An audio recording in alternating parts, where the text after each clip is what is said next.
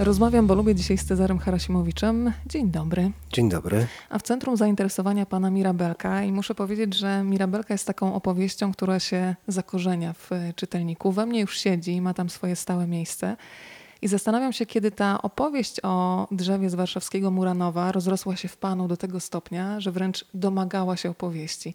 Bo kiedy czyta się ten tekst, to ja mam takie wrażenie, że on prostu z pana wypływa. Więc kiedy ona się tak rozrosła? No bo wypłynął, ten tekst wypłynął. Ja nawet wstydzę się powiedzieć, w ile napisałem tę książkę czy książeczkę dla dzieci, bo napisałem bardzo krótko. Akurat byłem na wakacjach, miałem trochę z głowy zdjęte różne inne obowiązki. Tak mogłem przysiąść fałdów i, i wylać ten tekst y, na twardy dysk.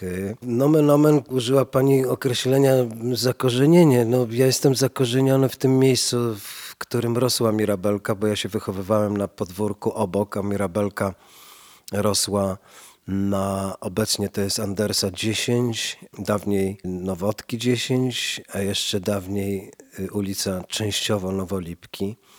Mm, ja się wychowywałem na podwórku obok i pamiętam to drzewko, pamiętam co się działo wokół tego drzewka, właściwie drzewa można powiedzieć. No i pamiętam e, SMS, który dostałem od Hanny Kral, którego nie mogę zacytować, bo jest tam jeden brzydki wyraz, e, co zrobiono z Mirabelką e, no, prawie już dwa lata temu. I od tego wszystko się zaczęło. Czyli można powiedzieć, że w pewnym sensie opisał Pan swoją bliską sąsiadkę z czasów dzieciństwa, bo ona jest spersonifikowana i naprawdę, kiedy teraz myślę o Mirabelce, to myślę o niej tak jak o bliskich znajomych, o przyjaciołach.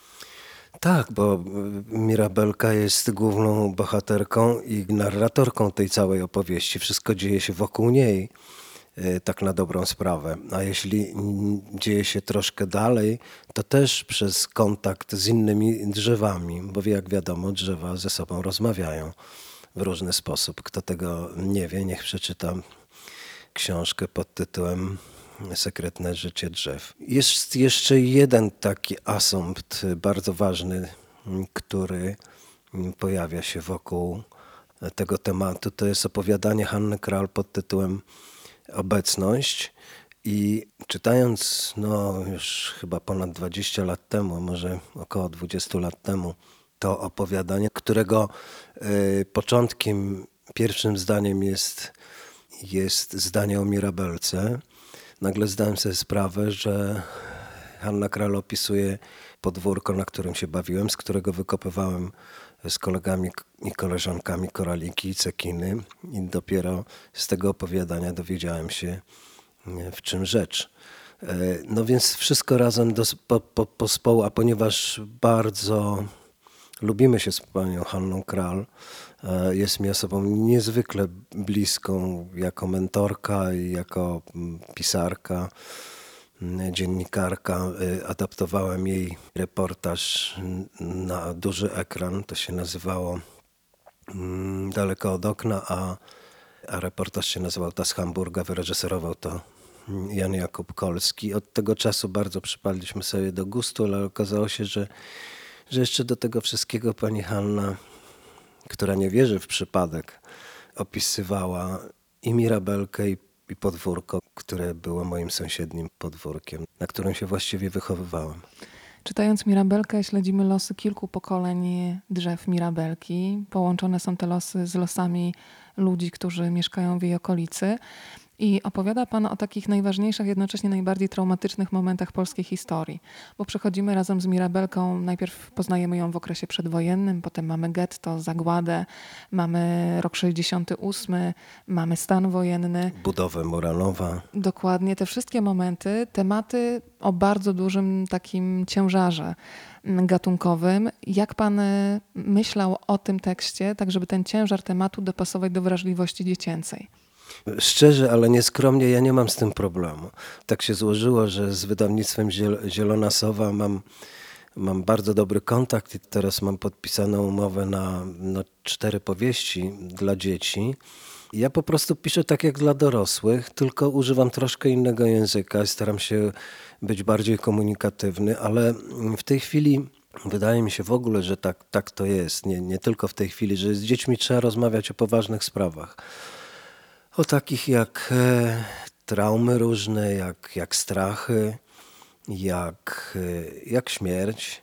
Dzieci są przez intensywność współczesnego świata do tego przyzwyczajone. Ja myślę, że w ogóle dzieci zawsze były do tego przyzwyczajone. Jak się czyta bajki braci Grimm, no to to jest y, opowieść wcale niełatwa dla przyswojenia dla dzieci, ale Tam bardzo dużo się, mroku jest. Jest tak, oczywiście. Nie mam, nie mam z tym specjalnie problemu, ale ponieważ chciałem opowiedzieć bezpośrednio mówić bezpośrednio do dzieci. Mirabelka mówi bezpośrednio do dzieci, dlatego że Mirabelka ma mm, tę specyficzną cechę, że potrafi rozumieć język dzieci, a dzieci potrafią rozumieć język Mirabelki. Oczywiście później jak dorastają, to ta cecha się zatraca i to też jest jakiś, jakiś rodzaj dramatu. No ale tak to jest, że jak, jak dorastamy, to tracimy swoje dzieciństwo i mm, jesteśmy innymi ludźmi chociaż tak naprawdę mm, to dziecko gdzieś w nas zostaje. Mam nadzieję, że to dziecko we mnie, we mnie też gdzieś tkwi, dlatego, tak jak powiedziałem na początku, ja nie mam z tym problemu. Chciałam panu podziękować za to, że dzięki Mirabelce ja mogłam wrócić do swojej małej dziewczynki, którą staram się pielęgnować na co dzień, bo to jest tekst przeznaczony dla dzieci powyżej 9 roku życia, ale myślę też, że to powinna być pozycja obowiązkowa dla każdego dorosłego. E, ponieważ pozwala wrócić do tego, co jest najważniejsze w takim dziecięcym odbiorze świata. Do uważności, do otwartości na inność, do świata, w którym inność jest czymś ciekawym, czymś, co stwarza nowe perspektywy, a nie jest e, zagrożeniem. I za to chciałam podziękować. No, dziękuję bardzo. Ja myślę, że w ogóle to jest, y, tak powinno być, y, bo faktycznie dzieci nie rozróżniają inności. To znaczy to, co bardzo pięknie pani powiedziała, to jest, może być rodzaj zaciekawienia, ale, nie, ale jeszcze nie są nauczone przez świat i ludzi starszych tego, że ktoś jest gorszy po prostu.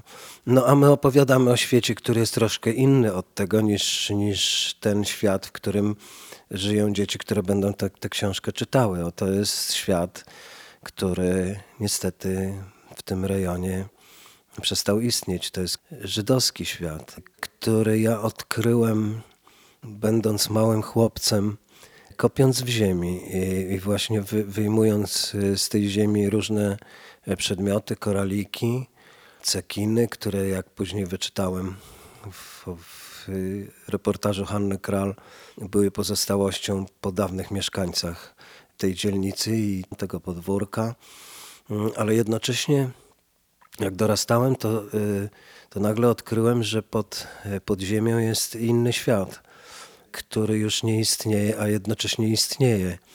Moja mama, która odeszła z tego świata pół roku temu, mieszkała w mieszkaniu, w którym ja się wychowywałem, i to jest dom zbudowany z cegieł po spalonym getcie. Wobec tego, no jak się mieszka w takim miejscu, to trzeba się przyzwyczaić do tego, że to są jakieś dwa światy równoległe.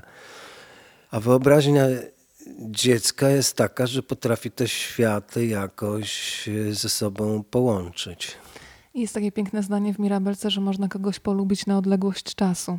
Poznajemy Haima, poznajemy Dorkę e, i kiedy się czyta, to ma się wrażenie, że ci bohaterowie poprzez ocalającą pamięć są bardzo intensywnie obecni. Oni wracają dzięki Mirabelce. No tak, bo to jest, bo, bo duchy, mm, duchy tych wszystkich państwa, których wy, wy, pani wymieniła, jeszcze wymieniłbym pana Izaaka, który pięknie gra na skrzypcach. Także e, ludziom potrafi zmieniać duszę. Także tak, e, e, co ma swoje intensywne miejsce w, w całej opowieści. To są dobre duchy, mimo tego, że, przy, że, że właściciele tych, tych duchów e, przeżyli w tym miejscu okropne rzeczy, ale oni się opiekują współczesnymi mieszkańcami tej okolicy. Powiem wprost, to jest zaczerpnięte z inspiracji Hanną Kral i z jej tego reportażu Obecność, nomen omen. Dlatego, że to jest reportaż o duchach, które nie chcą odejść e, z tego miejsca. Wstrząsający i piękny, piękny reportaż. Ja pamiętam, że w tym opowiadaniu Hanny Kral też było takie zdanie, że duchy tych osób, nie powtórzę teraz dokładnie, ale czują się w zasadzie tylko bezpiecznie w naszej pamięci, więc ta pamięć jest ocalająca i to bezpieczeństwo jest właśnie w tym, że trzeba o tym mówić, zachowywać. Tak, szczególnie w dzisiejszych czasach, kiedy chce się z tej pamięci wytrzeć e, pewne zdarzenia, które może nie przystają e, do naszego wyobrażenia o o czasie przeszłym, o tamtych czasach. E, trzeba o tym wszystkim mówić i trzeba mówić w pewien specyficzny sposób, taki ciepły i, i, i szeptem, niekoniecznie krzykiem, dzieciom trzeba opowiadać te, te historie, żeby, żeby dzieci wiedziały, w jakim miejscu są, w jakim miejscu żyją, bo cała Polska jest nasiąknięta i przesycona tymi duchami, takimi, takimi historiami. Część z postaci uruchomiła Pana wyobraźnia, no ale część postaci w jasny sposób odwołuje się do tych, którzy mm, odegrali bardzo istotną rolę w historii. Pani Irena, pan Mordechaj. Powiedzmy trochę więcej o nich. Mordechaj to jest oczywiście pan Mordechaj Anielewicz, y, przywódca powstania w getcie. Pani Irena, która się pojawia w tym w tej opowieści, to jest oczywiście pani Irena Sendlerowa. To jest inspiracja ich postaciami. Pani Irena ratuje jedno dziecko, które zostaje wyprowadzone z getta, które potem pojawia się w mojej opowieści w bardzo konsekwentny i ważny sposób. No tak, tak posplatałem to wszystko, a opowiedziała to mi Mirabelka. Skupmy się teraz przez chwilę na wyjątkowych ilustracjach Marty Kurczewskiej. E, kiedy zobaczyłam okładkę, to nie umiałam tego nazwać. może to było takie właśnie proste dziecięce, że nie wszystko da się ująć słowa, ale czuję się przez ciało, jakby mnie ktoś teleportował do czasów dzieciństwa, mm. do jakiejś takiej czystości, niewinności i otwartości na świat. Ta okładka tak działa. Tak, jest, tam, tam, jest taki, tam jest parę rzeczy ukrytych, nie, niesłychanie ukrytych. To znaczy jedna jest rzecz zaczerpnięta z mojej opowieści, bo Dorka pojawia się w pierwszych scenach tej opowieści w czerwonym płaszczyku, a czerwony płaszczyk powiązany z żydowską dziewczynką jest bardzo znaczny. Wszyscy oglądaliśmy film Spielberga i znamy prawdziwą osobę, która mm, była inspiracją dla tego wspaniałego reżysera i tego wspaniałego filmu pod tytułem Lista Schindlera. Ale tam jest jeszcze jedna, na, na tej ilustracji jedna y, zachwycająca rzecz y, już autorstwa pani Marty to są te wyfruwające gdzieś w świat spod płaszczyka właśnie koraliki, które mm, no nie wiadomo gdzie wędrują, a jednocześnie są podobne do, do owoców mira, mirabelek. I to jest, to, jest, to jest przepiękne. Ta fabryka strojów karnawałowych jest tym czymś też niezwykłym, bo człowiek, kiedy myśli o tych odległych czasach tak trudnych, widzi wszystko w szarości, a nagle okazuje się, że wtedy też było oczekiwanie na karnawał. I to też jest takim trochę takim dzwonkiem alarmowym, że nawet pozorny spokój, który mamy teraz, on nie jest dany raz na zawsze. Trzeba zachować uważność, czujność, tropić język nienawiści, być uważnym. Ten motyw jest bezpośrednio wzięty z opowiadania Hanny Kral. E, panowie Alfosowie byli święcie przekonani, że zbliżający się karnawał roku 1940 będzie takim samym karnawałem jak e, jak wcześniejsze karnawały. No niestety już nie był, nie był taki. Jak pamiętam z dzieciństwa te, te y, wykopywane koraliki kolorowe, z których sobie moje koleżanki plotły korale na szyję, a potem usłyszało się o kontekście tragicznym, czarnym, smolistym tego miejsca, no to to jest jakiś nie, niesłychany kontrast, a jednocześnie no... Mm, brzydko to mówić, no do wykorzystania literackiego, nawet filmowego w sposób, e, w sposób e, niezwykły, ale to życie podpowiada takie, takie dramatyczne, dramatyczne kontrasty. To, co bardzo mi się podoba w Mirabelce, to też pozwolenie na bezradność, e, bo jest taki wątek bardzo poruszający wielkiego drzewa, które jest metaforą Boga, losu. Każdy będzie to pewnie sobie czytał trochę na swój sposób. I pomyślałam, że są pytania bez odpowiedzi i czasem wspólna bezradność może dać siłę, bo te pytania zostają zawieszone gdzieś w powietrzu i to, na co nie mają odpowiedzi dorośli, też czasami powinni powiedzieć dziecku: Nie wiem, nie rozumiem tego świata. Tak, no to jest to mama Mirabelki, bo jest tam kilka Mirabelek. Jest, jest, jest właściwie prababcia, babcia, mama, córka i, i na końcu wnuczka się pojawia. Jest parę, parę pokoleń tych Mirabelek, ale ta główna relacja pomiędzy córką i matką, no właśnie też na tym, na tym polega że mała Mirabelka rozmawia z dużą Mirabelką, oczekując prostej odpowiedzi na bardzo skomplikowane pytania, a czasami tych, tych, tych odpowiedzi nie ma. No i myślę, że, że w ogóle w takich relacjach dorosły mm, dziecko, no powinniśmy być na to przygotowani, że, że nie, nie, nie, nie ma odpowiedzi. No skąd się bierze zło na świecie? No, jeżeli wielkie drzewo przyzwala na, na na dzianie się zła. No, jaki to ma sens? I dlaczego od tylu lat człowiekiem gardzi człowiek? Bo tam też bardzo muzyczna jest ta opowieść. Czesław Niemen, bardzo dużo utworów się przewija też. Tak, tak. To jest taki kontekst muzyczny do epickiej opowieści, no bo zmieniają się dźwięki wokół, nie tylko pan Izak gra na skrzypcach, ale pojawia się radio. Mm, z tego radia dochodzą różne dźwięki, a piosenki są częścią naszej, naszej historii, częścią tego miejsca. No ja akurat mam już tyle lat, że, że mogę sobie pozwolić na, na ruszenie pamięcią i, i świetnie pamiętam, jak do 68 roku pasował wielki utwór Czesława Niemana Dziwny jest ten świat. Mm, no ale pojawiają się też inne piosenki. I Lombard się pojawia i, i inne. Perfekt też. Per, I perfekt, tak. W Mirabelce odbiera się ten tekst wszystkimi zmysłami. Pachnie między innymi lipa, miodem, są pelargonie, słychać bardzo dużo odgłosów. I zastanawiam się, czy przy pisaniu wracały do Pana konkretne stopklatki z dzieciństwa. Obrazowe, dźwiękowe i zapachowe. Tak, tak, oczywiście. Nawet wracały, wracały mm, nie tylko takie, ale wracały, tam są pewne postaci, nie będę ujawniał które, ale postaci, które ja pamiętam z dzieciństwa. Podwórko w moich czasach to było miejsce, gdzie nie było komputerów jeszcze, internetu, gier komputerowych, tylko wszyscy spędzaliśmy albo w piaskownicy, albo później zjeżdżając z górki zimą na sankach, bo zimy były takie, że jeszcze śnieg był, a potem po latach dowiedziałem się, że ta górka jest osypana z gruzów getta. To jest moja ulica, moje podwórko. To są sklepy, które ja świetnie pamiętam. Y, to jest y, zakład fryzjerski Otello, to jest bar Pokusa.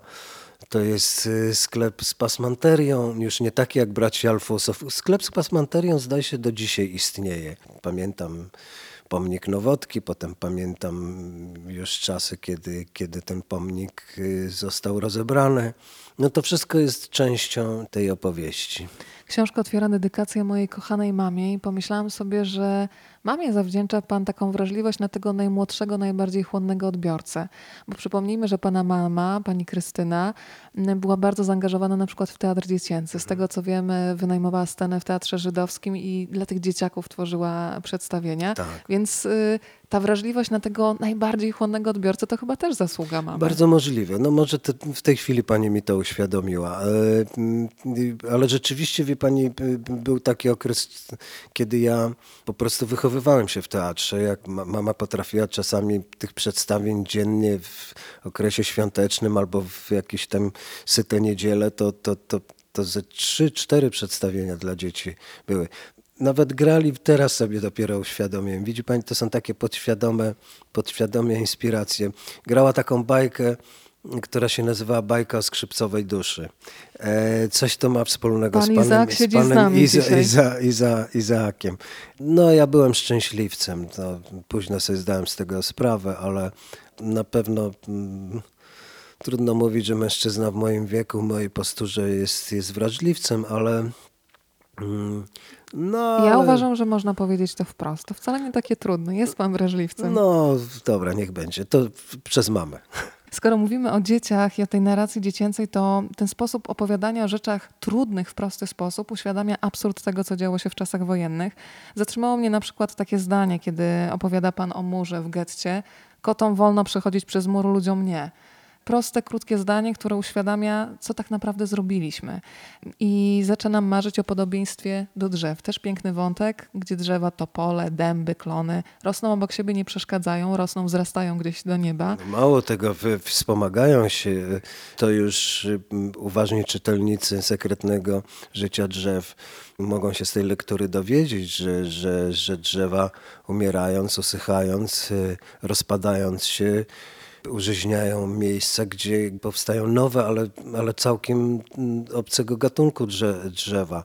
No to jest, to jest jakaś taka, taki melanż yy, koegzystencji, współistnienia. Niestety ludzie tego, tego jeszcze do końca nie opanowali. Tak, a z tym kotem to rzeczywiście, wie pani, to, to, to tak mi się spod palców nap, nap, napisało. Nagle właśnie sobie uświadomiłem, że kot Maciek y, mógł uciec z, z getta, a ludzie już, już nie bardzo. Dramatyczna konstatacja. Kiedy czytałam Mirabelkę gdzieś w tle, przypomniał mi się taki utwór Anny Marii Jopek Przypływ, odpływ. Tak jakby było przychodzenie i, i odchodzenie. I u Pana też e, w Mirabelce widać bardzo dokładnie pory roku, ale nawet kiedy przychodzi zima, kiedy przychodzi trudny czas, to jest taki moment, gdzie ta czułość jest nadal obecna, ponieważ Mirabelka zasypia opatulona szronem. E, I mam wrażenie, że to, o czym mówi tak najmocniej, to jest ta miłość i, i to magazynowanie i zakorzenianie, jakby magazynowanie wręcz dobroci w sobie, to jest coś, co pozwala nam rosnąć, nawet w najtrudniejszych czasach, które się zdarzają. Już tak schodząc na ziemię trochę. Dlaczego mirabelki rosły akurat w, w tym miejscu? E, to była dosyć duża dyskusja na ten temat, bo jedna pani profesor dendrolog, która się opiekuje szczepką mirabelki, poddała wątpliwość, czy to jest w ogóle mirabelka. No, spotkałem wielkie oburzenie, jak krzyknąłem, żeby na mnie nie niweczyła naszej legendy, ale potem okazało się, że, że absolutnie mamy rację, to jest mirabelka, bo tylko z mirabelek można robić kompoty i powidła, ciasta i tak dalej, i tak dalej. Inne owoce się do tego nie nadają z innych, innych drzew podobnych do mirabelki. Dlaczego drzewa owocowe ro, rosły w, w, tym, w, w, takich miejscach?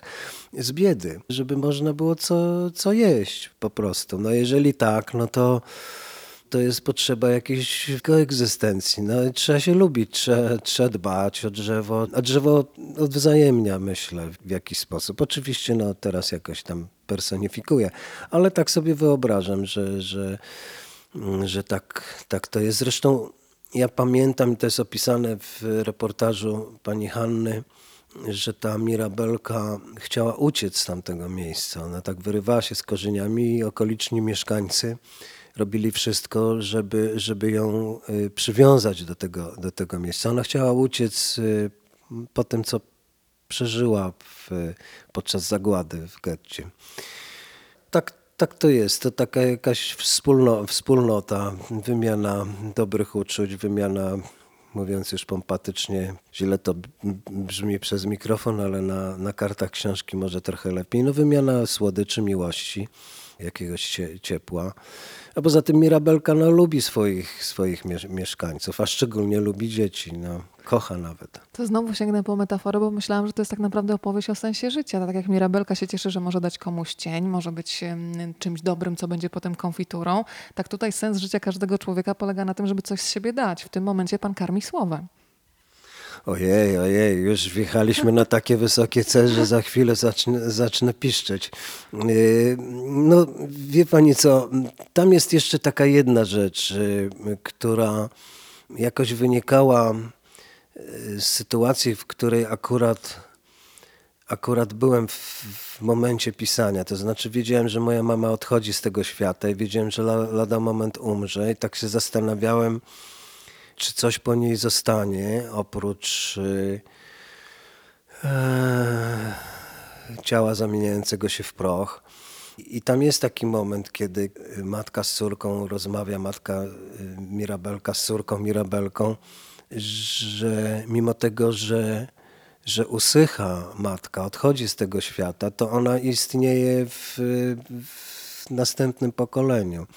I to taka trochę była pociecha, mm, autopociecha, że mimo tego, że wiedziałem, że mama mm, niedługo umrze, no to jakoś w jakiś sposób we mnie, we mnie zostanie. I to jest, tak, to, to jest też takie jakieś, myślę, dziecięce przesłanie, może, może na wyrost, e, mm, ale myślę, że, że dzieci powinny sobie też to, to w jakiś sposób uświadomić, bo prędzej czy później ktoś z ich bliskich y, odejdzie z tego świata i one tego do, do, doświadczą.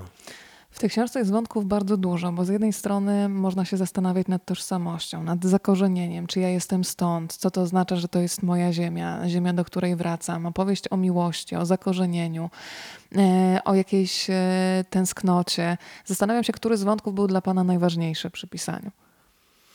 Wątek powracającej miłości. W ogóle tak mówimy, matko, tyle wątków, a to jest tylko 200 tysięcy znaków ze spacjami. To jest książeczka, to nie jest jakaś Czasem wielka mniej książka. znaczy więcej. Tak, less is more. No faktycznie tak myślę, są, są jakby, jakby dwie rzeczy. Jedna rzecz to jest ta ciągłość, to jest to, że, że Mirabelka jest przywiązana do tego miejsca i kolejne jej wcielenia, można powiedzieć, bo to tak jest, bo to są wcielenia Mirabelki mm, są przywiązane do tego miejsca i to jest połączone, połączone z miłością. Ta miłość y, y, pojawia się, miłość między chłopcem i dziewczyną mm, na samym początku i ona ma swoją kontynuację, a właściwie aż do same, samego końca.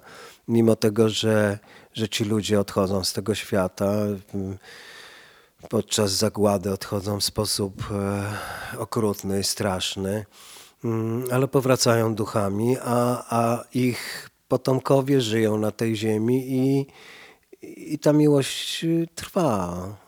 Bardzo się też cieszę, że wraca Pan do słów, które gdzieś uciekły z naszego języka, mają sporo takiego wdzięku.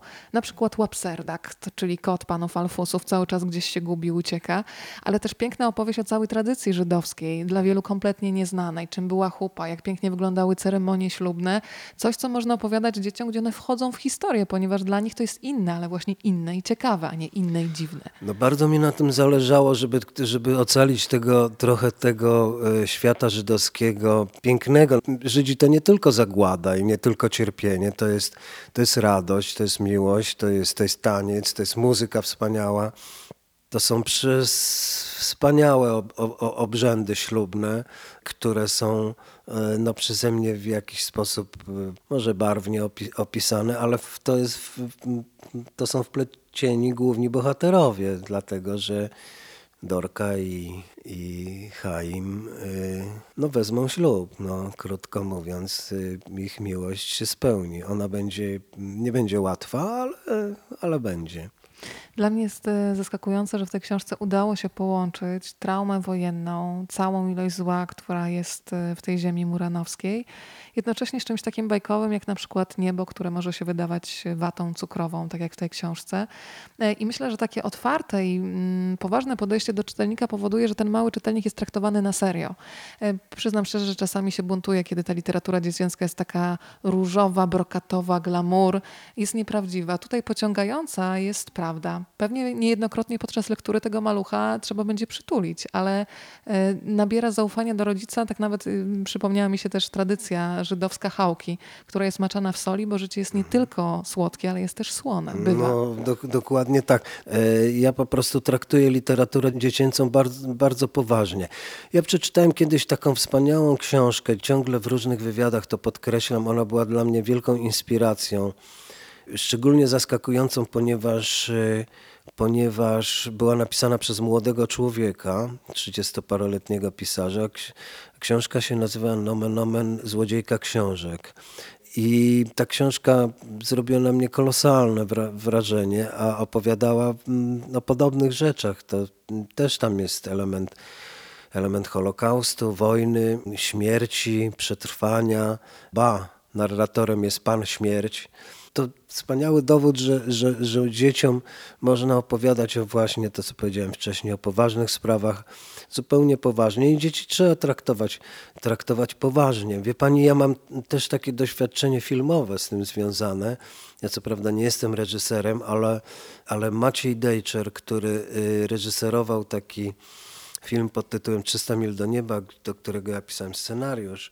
Tam występują dzieci w tym, chociaż w tym filmie, chociaż y, temat jest bardzo poważny, bo jest o ucieczce młodych chłopców z PRL-owskiej komuny mm, za, za granicę i Maciej Dejczer świetnie sobie daje radę z dziećmi na, na planie. Y, bardzo często był pytany, na czym ta tajemnica polega. On po prostu bardzo poważnie traktuje dzieci. Jak się mówi tiutiu putiu, udaje się jakiś e, dziamdzianie, dziamdzianiem, tak, to, to, to, to, to, to dzieci czują absolutnie fałsz. A jeżeli traktuje się poważnie, traktuje się no wie pani, no na, naprawdę dzieci to jest, to jest mm, bardzo podobna konstrukcja psychologiczna do dorosłych. Nawet Tam jest, głębsza. Mm, tak, no właśnie, przeżywają czasami bardziej intensywnie niektóre rzeczy. niż, niż my, dlatego trzeba je traktować arcypoważnie i, i nie unikać trudnych tematów. A zgodzi się pan z tym, bo czasami słyszę, że trzeba zejść do poziomu dziecka, zawsze wtedy protestuję, mówię nie, nie, musisz się wspiąć kilka pięter wyżej, żeby dotrzeć do nie, poziomu absolutnie, dziecka. Absolutnie, dlatego, no, dlatego tak piszę, jak, jak piszę. No. Przypomniała mi się Tekla z książki Uśmiech, gdzie też jest poważny temat oswajania żałoby, wracania do życia po traumatycznym e, doświadczeniu. I też Tekla się buntuje przeciwko zdrobnieniom e, i też powoli wraca do świata i uczy się, że czasami człowiek może się niebezpiecznie zaprzyjaźnić e, ze smutkiem. Uczy się tego, jak przesuwać swoje myśli w stronę jakiejś jasnej strony, ale jednocześnie ma sobie wzgodę na to, że są momenty, które trzeba przeżyć, wypłakać, żeby móc iść dalej. No dokładnie, to jest wszystko jakby z, z, z, jednej półki. Mogę tutaj pani zdradzić, że, że w tej chwili jestem w trakcie pisania dalszej części przygód tek, o, jak ja się cieszę. E, tak, e, właśnie no dzisiaj napisałem tam jakąś kolejną, kolejną partię. Jeśli pani chce, to mogę pani w dwóch słowach opowiedzieć. Oczywiście. Ale... Mm, tytuł będzie Gitara i to będzie historia. Tym razem Tekla już jest y, uzdrowiona ze swojego nieszczęścia. Może nie do końca, ale trochę przerobiła już, y, już traumę po śmierci mamy. Natomiast w jej klasie pojawia się chłopak, który ma smutną minę. I Tekla razem z koleżanką mm, próbuje rozgryźć tajemnicę tego, tego chłopca, dlaczego on jest nieszczęśliwy. Okazuje się, że to będzie wszystko związane z z tajemnicą pewnej gitary elektrycznej, na której grał e, tata Jimmy'ego, bo taką ksywkę ma Jimmy, a można się domyślić, że po Jimi Hendrixie, ale... Mm, Znowu będzie dużo muzyki w książce. Będzie muzyki, będzie, będzie dużo muzyki, będzie dużo e, instrumentów, e, no ale będą też również poważne sprawy, bardzo poważne. Tym razem Tekla będzie pomagała e, swojemu koledze z klasy. Wrócę jeszcze do Mirabelki. Bardzo mi się podoba, że to musi być pewnie też trudne dla pisarza, dla kogoś, kto pracuje w słowie, żeby napisać to, ująć w formie bezradność wobec pewnych zdarzeń. E, tak jak mm, dzieciaki mają w sobie coś niesamowitego, my dorośli też to mamy, tylko zakłamujemy, mam wrażenie, sygnały płynące z ciała, że odbieramy jakiś niepokój. Jako dorośli to zagadujemy, zagadujemy, żeby broń Boże do nas e, nic nie dotarło, żeby się nie zacząć zastanawiać, co za tym niepokojem stoi. A tutaj ten, pan pokazuje taki dziecięcy radar, kiedy Mirabelka albo odczuwa niepokój, albo odczuwa jakiś taki gęsty smutek, y, który na nią spada i nie potrzebuje słów i mówi, że mówi wprost, nie umiem tego wytłumaczyć, ale czuję się tak i tak. I pozwala Pan na to, żeby nie wszystko trzeba było ujmować w słowa, tylko skupić się na odczuwaniu. No to, jest, to są takie zabiegi terapeutyczne. terapeutyczne. No takim jestem terapeutą amatorem, no, z własnych doświadczeń. Y, niektóre rzeczy zapisuję i tam przelewam na ten twardy dysk w postaci słów. A czy wyobraża sobie pan, że te postaci z książki, na przykład bracia Alfosowie, e, pan Izaak, który grając na skrzypcach zmienia ludziom duszę, zostaliby uruchomieni w postaci animacji? Pytanie do scenarzysty. Tak, żeby powstała animacja duża, kinowa, która pozwoliłaby wejść w ten świat, chociaż zastanawiam się, czy ten seans, najmniejszy seans, który się rozgrywa w głowie, kiedy słowa uruchamiają obrazy, nie jest ciekawszy.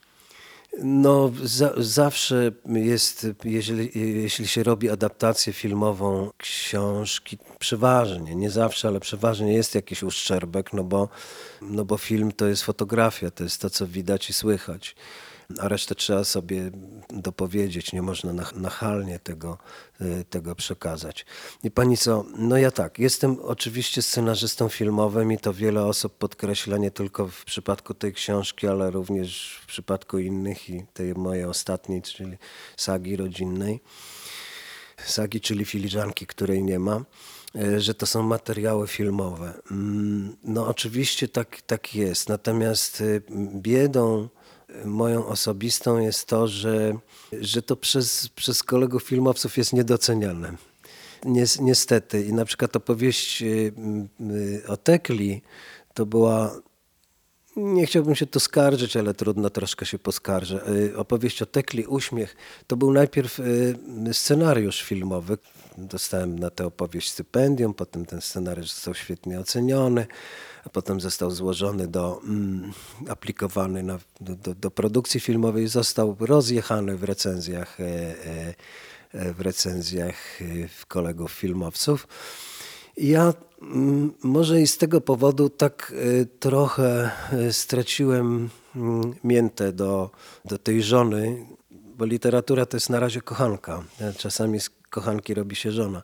E, do tej żony, która się nazywa film i ja oczywiście widzę z tego bardzo, z Mirabelki, bardzo ciekawy i potrzebny film e, taki animowany albo półanimowany. Mamy wspaniałych e, artystów w tej, w tej dziedzinie w Polsce, w ogóle jednych z najlepszych na świecie. Moim zdaniem formalnie o wiele ciekawszych niż niż produkcje hollywoodzkie, disneyowskie. No ale jak będzie, to, to zobaczymy. Ja mam nadzieję, że nie dlatego, że to jest akurat y, Cezary Harasimowicz, ale dlatego, że to jest taka, a nie inna opowieść o, o, o prawdziwej Mirabelce pomniku, który stał na, na podwórku e, Andersa 10 i jest głośno wokół tej sprawy, że to jest temat bardzo potrzebny i taki misyjny, no może ktoś się tym zainteresuje, ale nie będę specjalnie zabiegał i nie będę naciskał, żeby to się stało. Mamy w sobie całe pokolenia mirabelek. E, gdyby pan miał określić te najważniejsze zapisy w słojach swojego drzewa, tak to ujmę, e, to coś, co daje siłę, z czego się czerpie soki nawet w trudnych momentach.